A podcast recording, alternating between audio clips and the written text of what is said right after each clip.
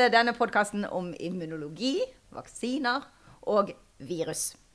Mitt navn er Henriette Kristi Ertsås, også kalt Forskning til folket. Og eh, i dag skal vi svare på eh, spørsmål fra folket om bivirkninger av vaksinen. Eh, og til det får jeg hjelp av deg. Du kan jo selv si ditt, ditt navn. Ja. Hei, mitt navn er Kristin Grevis Dalmon, og jeg er overlege eh, på Haukeland og forsker ved Universitetet i Bergen. Og har forsket på vaksiner og immunforsvaret vårt. Ja, Og du har jo også vært med på en, en del kliniske studier nettopp om vaksiner. Så dette har du jo førstegangs uh, erfaring med.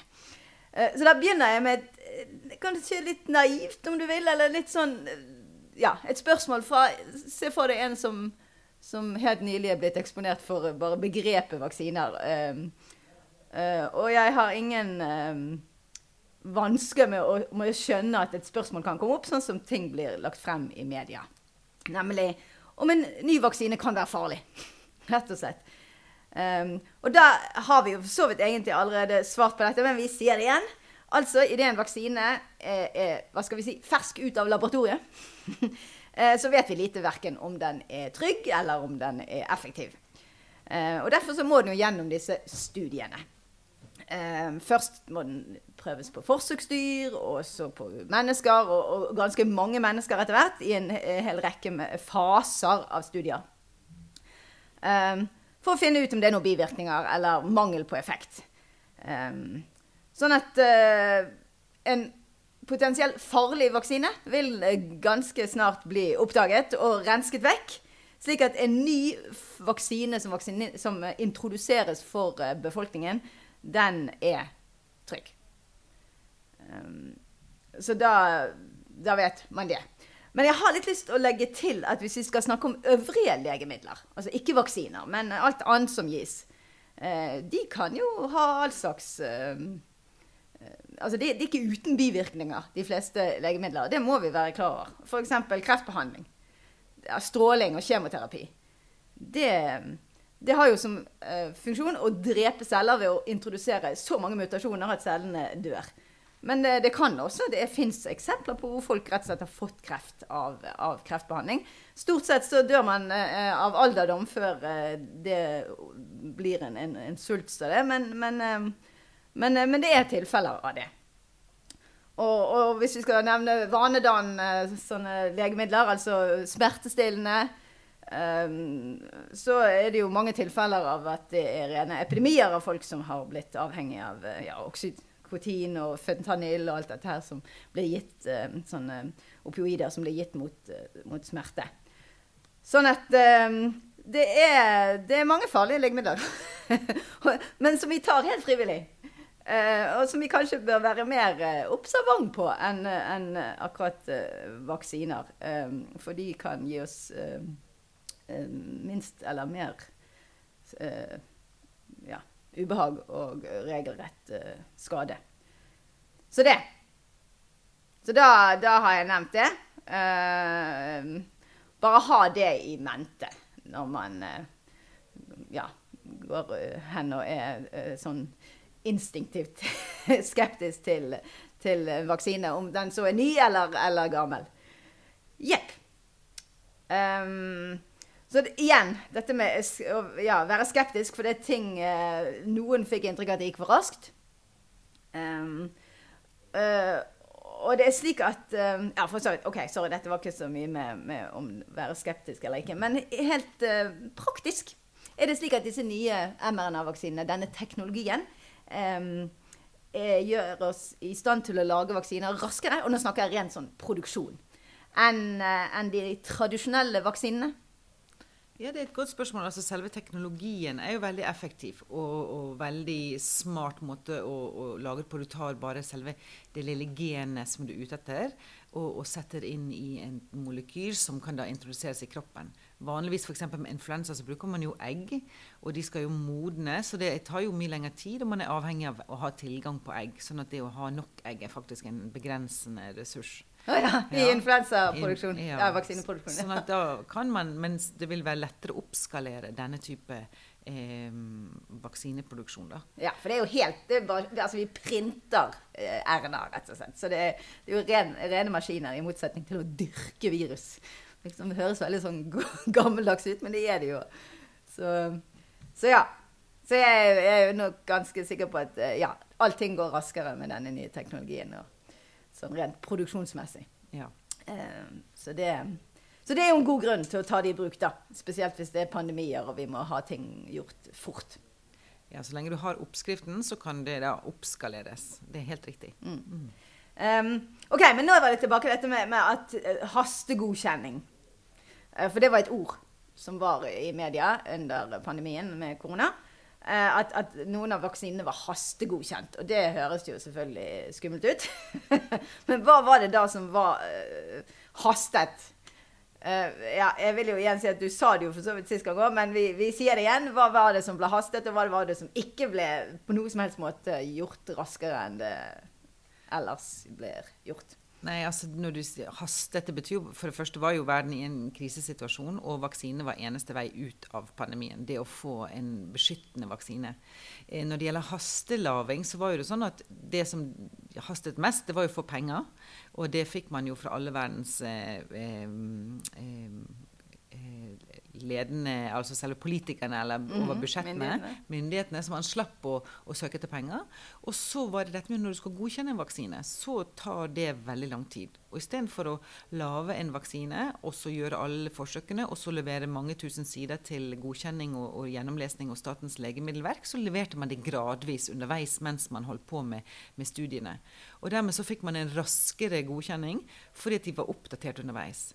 Men selve fasene som skal til for å teste ut en vaksine i, hos mennesker, eller i mennesker, den er delt opp i fase 1 og 2 og 3 og 4. Og der må det gå tid. For man skal jo måle om det kommer antistoffer, og man skal se om det kommer noen bivirkninger som man ikke har forventet. Og det tar de månedene det tar. Så akkurat der kan man ikke gjøre noe med tid er tid. Det går ikke an å gjøre noe halvfastet. Men det man gjorde, det var at man gjorde det ganske sånn parallelt med at man sendte inn dokumentasjon underveis. Og dermed så sparte man mye, mye tid i selve godkjenningsprosessen. Men så var det jo også sånn at vi var jo i en kritisk situasjon. Og når denne var funnet til å være trygg og effektiv gjennom de første eh, eh, studiene, så var man raskere å godkjenne noe eh, fordi at situasjonen eller alternativet var også veldig mye verre.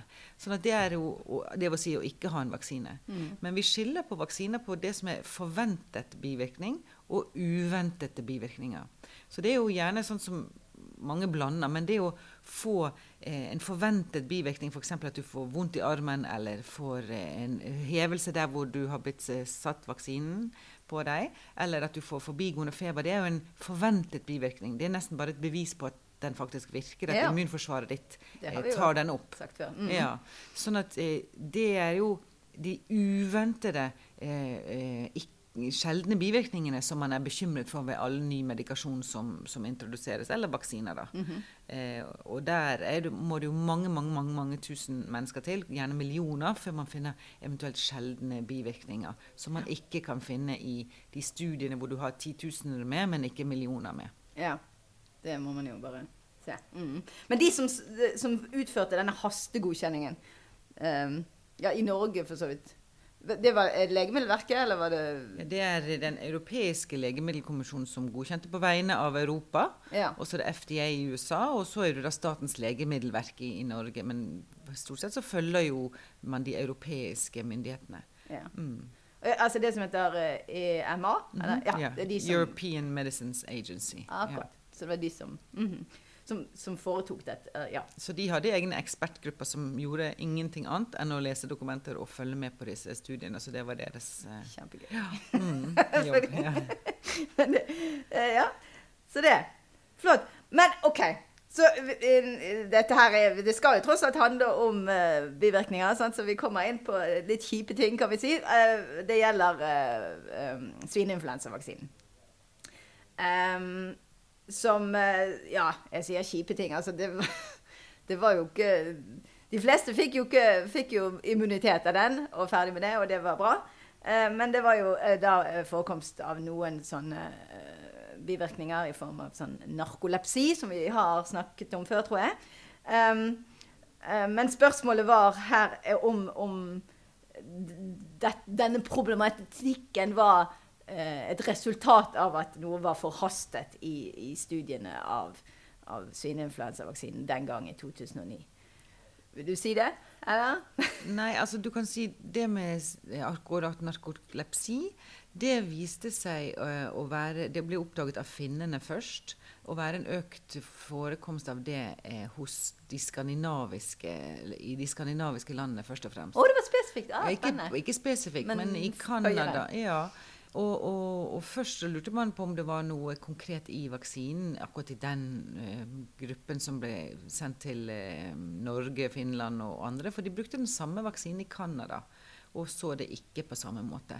Og så man lurt litt på det. så Det har vært forsket intenst på årsaken. For det er jo en katastrofe å få narkolepsi eh, som barn. Det sies at du sovner lettere eh, midt på dagen, og at du får sånn ukontrollert, eh, plutselig innsettende søvn.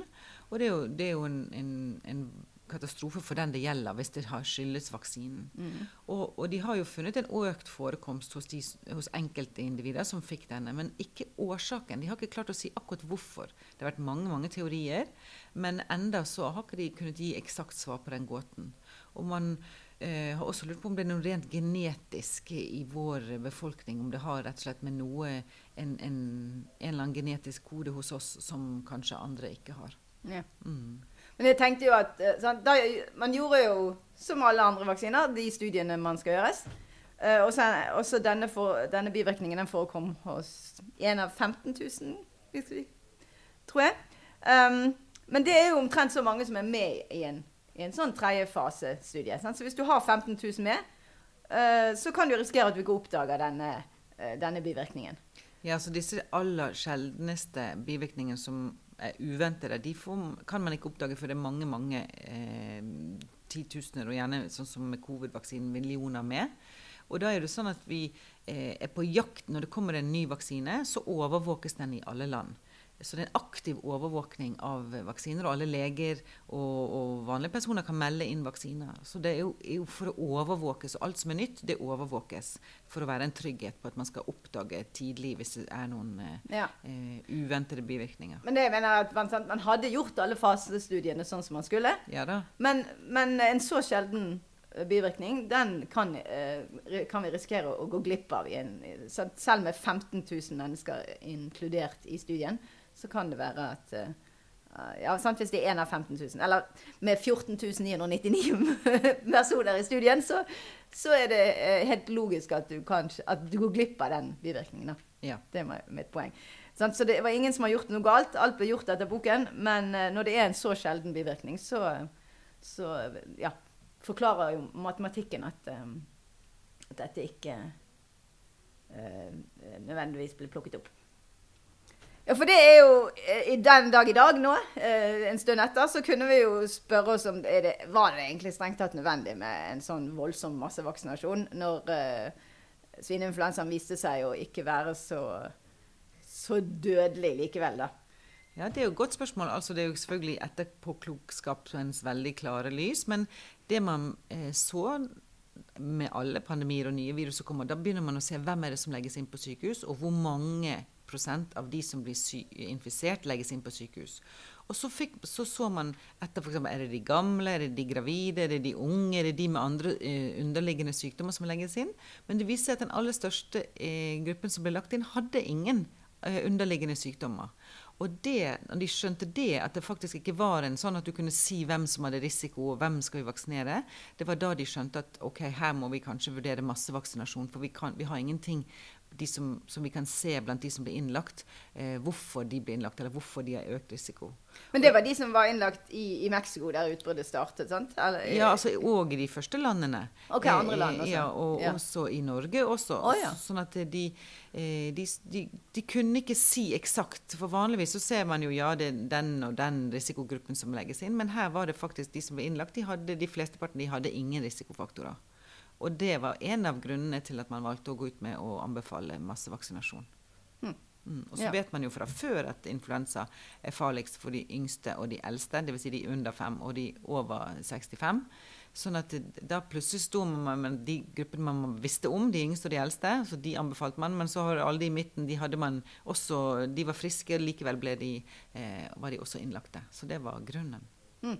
Men, men for det, eller jeg vet ikke, nei, det skjedde vel så vidt ikke noe med viruset etter hvert. Men, men konklusjonen var jo at det ble ikke så mange døde Nei. i Norge, f.eks. Nei, det var færre døde enn en forventet. Men så kan du si at Norge var jo et det var bare 10% av verden som hadde tilgang på vaksine og antiviralia, altså medisin mot influensa, før pandemien. Og Norge var blant de 10% Så vi var jo ekstremt heldige. Vi fikk vaksinen før, rett før, idet det startet. Og det har nok beskyttet en del. Og så hadde vi tilgang til også den medisinen fordi vi er så rike og hadde kjøpt den inn da. Så, og, så dermed så var det mange ting som gjorde at det i anførselstegn ikke ble så hardt i Norge. Dvs. Si med sy antall syke og døde. Mens i andre land hadde jo mye høyere byrde. Ja, ok. Mm. Ja. ja, det er jo det som er så, um, skjebnen, eller det, det, det er trist. Når vaksinen fungerer, så, så merker vi det jo ikke. Sant? Vi merker det bare når den ikke fungerer. Men når den fungerer, så tror alle at ja, ja, men dette var jo ikke så alvorlig. Nei, nettopp fordi vi er jo vaksinert. Så det er jo litt Og det har vi jo nå. Nå, vet jo, nå har jo verden testet hvordan det er å leve med covid uten vaksine. Det Det Ja. ene første året. Og det var jo ganske krevende for de fleste av oss. Og, og, og veldig mange døde. Så vi vet jo det at alle visste at det var vaksinen som var veien ut. Du måtte bare få laget den raskt nok. da. Og det er jo Mm. alltid et kamp med, mot klokken når du har et nytt virus. For én ting er de virusene vi kjenner, som vi har i barnevaksinasjonsprogrammet. De vet vi eksisterer, og de har vi, og da har vi vaksinene klare. Men når det kommer et helt nytt virus, og du må lage vaksinen fra scratch, så, så er det kamp mot klokkene. For hver dag det går i godkjenningsprosesser, og hver dag det går i uttesting, så dør jo det folk mens man venter på den eh, vaksinen. Ja. Men når det gjaldt akkurat svineinfluensa, det var jo en influensa. Mm. Så man kunne jo eh, i viss grad anvende den kunnskapen og den teknologien man Ja, hadde. så man før. brukte den teknologien, men man brukte et nytt virus. Ja. Mm. Så det, det var ikke nødvendigvis så veldig lang tid. Um, Nei, men der tar det lang tid, for du skal gro alle disse Ja, virusene. ok, sant, da har vi det igjen, ja. Så det tar tid. For den teknologien Ja. Så, så det, det tar uansett flere måneder å lage en vaksine, selv om du har plattformen og har alt klart. Ja. Og når det gjelder å bruke egg, sånn som influensavaksinen, så har jo ikke du nok egg til å lage nok vaksiner til hele verden. Så det går bare ikke. Ja, så da må du ha disse, mer av disse fuglene, som er, ofte er utgangspunktet for problemet. Mm. en herlig sirkel av eh, ja, problemer. Um, OK, eh, over til en annen vaksine. Um, nemlig denne vektorvaksinen. eh, som det fins flere varianter av. De har AstraZeneca. Vi har Sputnik, vi har, eh, eller Sputnik 5 helt konkret het den. Eller Johnson Johnson. Um, og jeg har snakket om denne her eh, med Rebekka, men uh, vi kan bare gjenta at uh, en sånn vektorvaksine, da bruker man altså et annet virus, et u, eh, ufarlig forkjølelsesvirus, for å være en slags portør som, eh, som eh, sender inn eh, eh, viruset. Unnskyld. bare en bit av virusets gen. Ja, for det Eller var jo det som var, det- ja, det er akkurat det som er det geniale. Sant? Du har koden, og så var det store spørsmål. Ok, vi har koden for denne piggeproteinet. Hvordan skal vi få det inn i kroppen? Og da var det to måter. Det var enten via den fettkulen fettkulen eh, som var brukt i, i eh, MRA Pfizer sin, eller så var det å bruke et virus som på en måte en bærer, eller en transportør. Ja, og som virkelig har jo veldig mye bra mekanismer for å gjøre det. Så det at du, Mm. når du setter den på jobben, så er du rimelig sikker på at du får eh, jobben utført. Ja. Eh, så, det, så det er alt det, Ja. Um, men um, disse her var jo da fra eh, ulike land. AstraZeneca var fra, fra Oxford og, eh, i Storbritannia. Og denne Sputnik 5 den var produsert i Russland. Uh, og så er det da noen som lurer på om man bør skulle være mer eller mindre skeptisk til denne Sputnik 5 enn til AstraZeneca fra, fra Oxford, Storbritannia. Um, dette har ikke så mye med, med verken medisin eller biologi. Her ble det mer verdenspolitikk. eller holdninger til en viss politiker. Um, så, um, Så jeg vet ikke helt hvordan jeg skal svare. Nei, men jeg kan si litt. Altså, du kan si at Russerne er stort, veldig dyktige på vaksiner. De har veldig mange gode vaksiner fra før, både mot influensa og andre. De annen, de bruker samme teknologi. Eh, når det gjelder den f.eks. nesesprayvaksinen til barn, så har de samme teknologien og brukt den i mange mange år, lenger enn en oss, men de bruker et annet sånn hjelpevirus enn det vi gjør. Men det er bare små tekniske ting. Eh, og, og, så de har jo en lang tradisjon for å vaksinere. Veldig stor vaksinekompetanse og industri i Russland. Men vi kjenner ikke detaljene. Men mest sannsynlig har de brukt stort sett samme teknologi. Men i og med at ikke vi ikke har innsikt og ikke åpenhet om hvordan deres studier er gjort, eller hva de har brukt, så, så, vet vi litt mindre om den. Men jeg vil anta at de har brukt veldig mye likt av det som er AstraZeneca. Ja.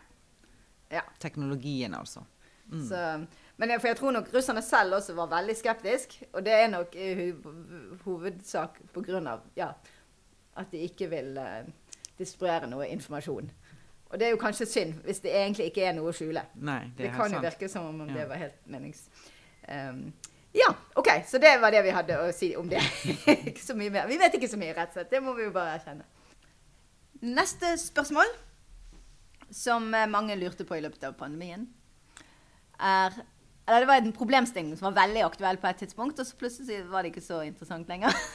det var hvorvidt det var trygt å blande vaksiner. Og da snakker vi jo da gjerne om eh, vaksiner mot samme virus, men eh, laget med ulike teknologier. Det er jo ikke et, eh, en problemstilling som vi særlig ofte står overfor. Stort sett så har vi bare én type vaksine å velge mellom. Så det var jo veldig unikt for covid-19-pandemien at, eh, at, vi på et tidspunkt hadde faktisk flere ulike vaksiner tilgjengelig mot samme virus. Um, og mitt første innskytelse der er at ja, i all, i all verden, hvorfor ikke? Det må jo være det absolutt beste. Få en immunrespons som er bygget på ulike, um, ulike teknikker, og derfor er, er bredere. Sånn at du kanskje både får antistoffer og du får T-celler og uh, alt som du måtte trenge. Har du noe å, å kommentere der, Kristin? Ja, altså du, Det er jo helt rett som du sier. det Vanligvis så har vi jo den samme vaksinen som vi tar flere doser med. Og så primer vi immunforsvaret, og så booster vi det, som det heter. Så du får en øket respons etter dose nummer to eller tre. Og når det gjelder disse COVID-vaksinene, så var det jo ikke gjort før å blande disse ulike sortene. Men rent Så det var man jo veldig spent på om det ga en bedre, dårligere eller den samme type immunresponsen etterpå. Så man forsket underveis. Eh, eh, gjorde studier på, på, de som mottok disse vaksinene, og fant at de fikk faktisk en bedre respons. Altså de fikk en, en litt bredere, litt høyere antistoffnivå. Rett og slett med at immunforsvaret var stimulert med, på to ulike måter. Eh, selv om de lignet veldig, altså samme piggeproteinet, så var det selve måten de ble introdusert og måten immunforsvaret ble stimulert på, litt forskjellig. Så, mm, men det var jo ikke gjort før akkurat med disse eh, vaksinene. og Derfor så ble, måtte det studeres. Men rent sånn logisk og immunologisk så skulle jo ikke det være noe annet enn en positive effekter av det. Men siden man ikke visste, så måtte jo det også forskes på. Ja, så det ble det jo. Men det skal også sies at i praksis uh, så var jo dette pro altså en problemstilling som gjaldt uh, hvorvidt man skulle blande Pfizer og Moderna. Her i Norge iallfall var det stort sett det det handlet om. De er jo ganske like, da. Ja. så, så, egentlig så var det mye kanskje styr rundt uh, Reelt så var det ikke så veldig De var ikke forskjellige nok til at jeg ville mene det ville være iallfall verken positivt eller negativt. Eh. Nei, og vi har jo forskjellige influensavaksiner. Sånn, så noen år får du det ene, og det er ikke alle ja, ja. man får det samme. Så det er forskjellige produsenter, men samme lignende teknologi, da. Mm.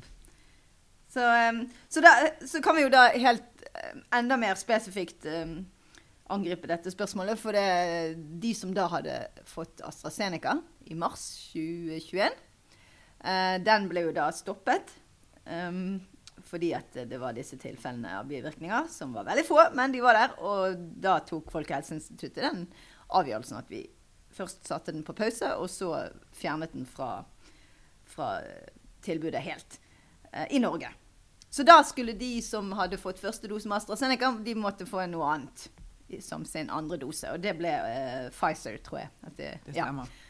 Um, sånn at, eh, så det var en del spørsmål om akkurat de to er, er, er Ja om det er noen grunn til å ikke kombinere det. Om det skulle være noen grunn til å tro at det ville være problematisk. Det ble jo faktisk utført en Eller ikke faktisk. Eller jeg syns jo faktisk, for jeg syns det var egentlig ganske logisk at det burde ikke være problematisk. Men man har utført en, for, en studie på det og funnet ut at eh, det er ikke noe mer bivirkninger eh, eh, fordi man kombinerer først tar en dose AstraZeneca og så tar en dose Pfizer enn om man tok to doser Pfizer. Eller.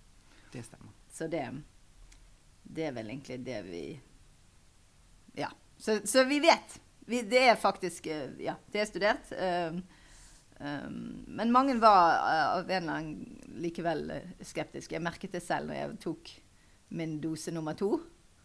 Og det var snakk om å få Moderne eller Pfizer. Uh, og jeg tror nok en Ja. alt, som er, alt som er nytt eller alt som er litt ukjent, det kan jo skape det. Det er jo bra at vi er litt våkne og litt sånn spørrende eh, og stiller spørsmål, for da får man i hvert fall svar, eller studier som kan gi svar.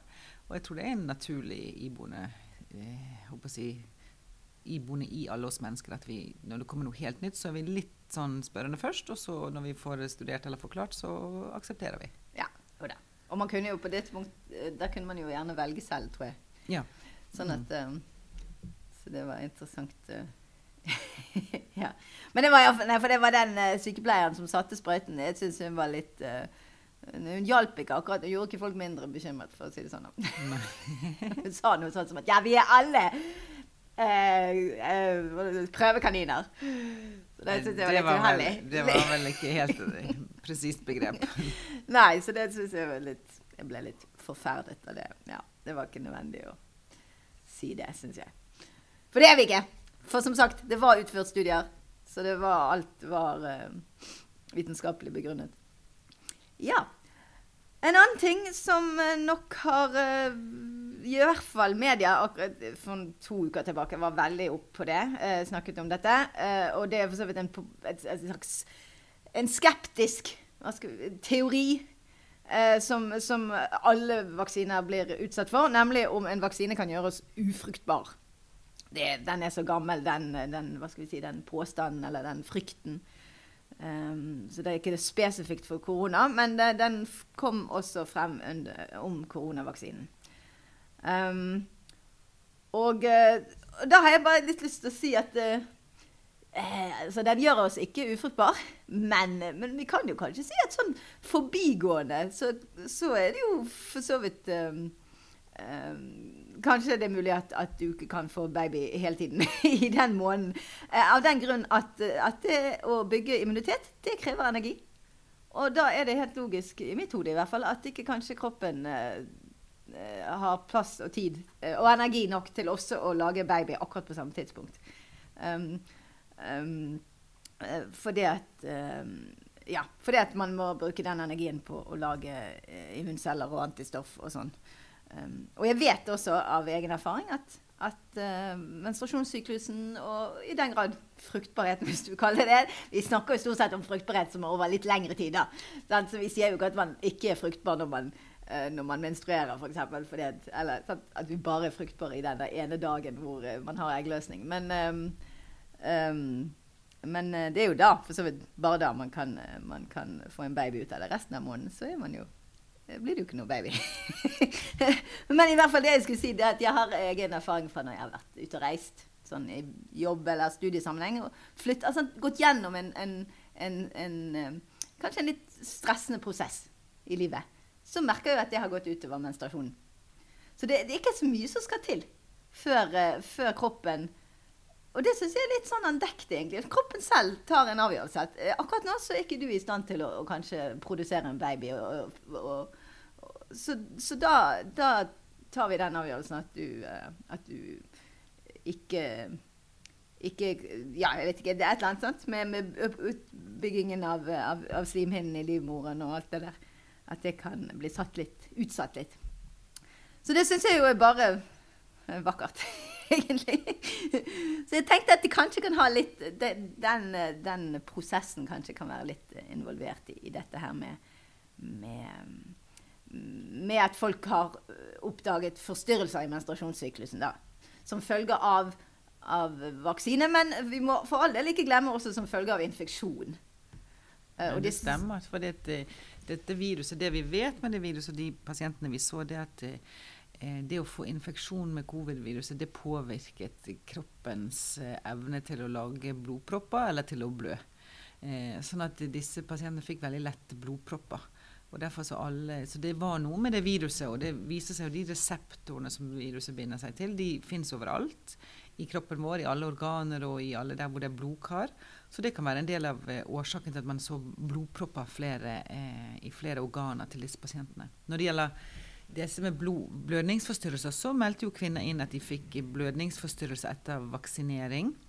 Eh, og så har man gått nøyere inn på det, og det er bekreftet nå i studier at det var eh, forbigående endringer i menstruasjonssyklus eh, hos, hos enkelte kvinner. Akkurat prosentsatsen er ikke så lett å, å sette, men det var i hvert fall FHI har gjort en undersøkelse blant de yngste jentene. De var bare 12-15 år, og der fant de ja, litt mer enn 3% som fikk endret menstruasjonssyklusen sin etter vaksinasjon. Det var forbigående, men, eh, men at, at det stemte. Og akkurat hva det skyldes, vet man ikke.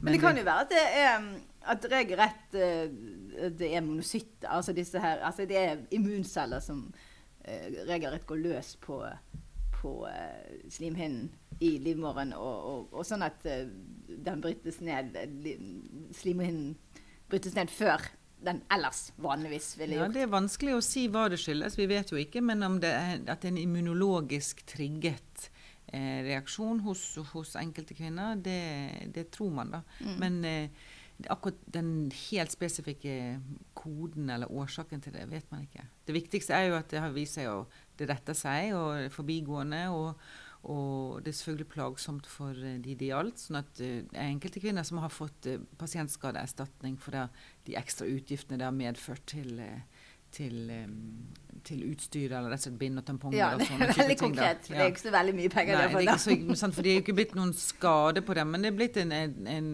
uheldig konsekvens da, som varte, varte en periode. Hos noen én syklus, hos noen flere sykluser. Da. Mm. Mhm. Ja. Men akkurat prosentandelen det er eh, vanskelig å si. Og så er er jo det sånn at når du vaksinerer en hel eh, kvinnelig befolkning, i dette tilfellet, så er jo det noen som er i overgangsalderen, og noen som er i pubertet, og da er jo alt i sving når det gjelder eh, sykluser og, tider. Så det er vanskelig å si akkurat i de gruppene kanskje da, hva som skyldes det ene eller det andre. Men det er i hvert fall slått fast at det er sett endret menstruasjonssyklus eh, og økt blødninger da, hos, eh, hos noen kvinner. Ja. Mm. Men, det- men det er jo viktig det der, at det er forbigående. At det egentlig ikke er nødvendigvis Er det egentlig så negativt? Det egentlig er det egentlig ikke heller faktisk kroppen som, som gjør prioriteringer? Synes jeg. Det var en veldig positiv måte å si. Jeg tror nok de som opplevde det, opplevde det ikke noe positivt. da. Nei da, men, men som, sagt, eh, som sagt, det er nok å gjøre for kroppen. Jeg tenker det. Det er, det er en, en prosess, det, det som En krever energi. prioritering, det er det du tenker på egentlig. Du tenker at det kan være en prioritering. Ja, kroppen tenker at nå må jeg bruke masse energi på å lage disse immuncellene. Dette immunsåret. Jeg har ikke tid til å lage Eller jeg har ikke tid, jeg har ikke energi til å lage baby akkurat nå. Og det er jo bare vakkert. I mine øyne iallfall. Så jeg syns jo uh, Men selvfølgelig, ja, jo, jeg skjønner jo det er kjipt hvis det blir veldig mye blod.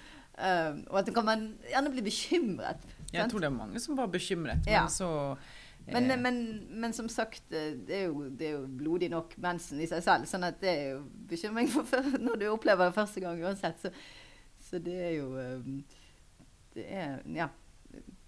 Kroppen gjør Men det er jo det som er viktig når det, når det kommer nye vaksiner på markedet, så overvåkes de. Så dette var jo en del av den overvåkningen som foregikk. Sant? Så alt som, alle signaler i befolkningen som kommer som ikke var der før, de plukker man opp da. Så da kan man jo plukke opp som f.eks.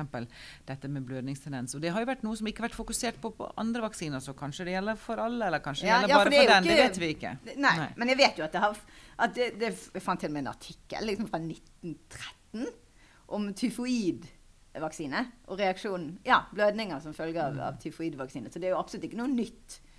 Um, og, og det, altså all logikk tilsier jo da, som sagt, at, sant, at uh, all, alt arbeid for immunforsvaret det krever energi. Sånn at det, det er helt logisk at, det, at man vil erfare en viss um, uregelmessighet i menstruasjonssyklusen.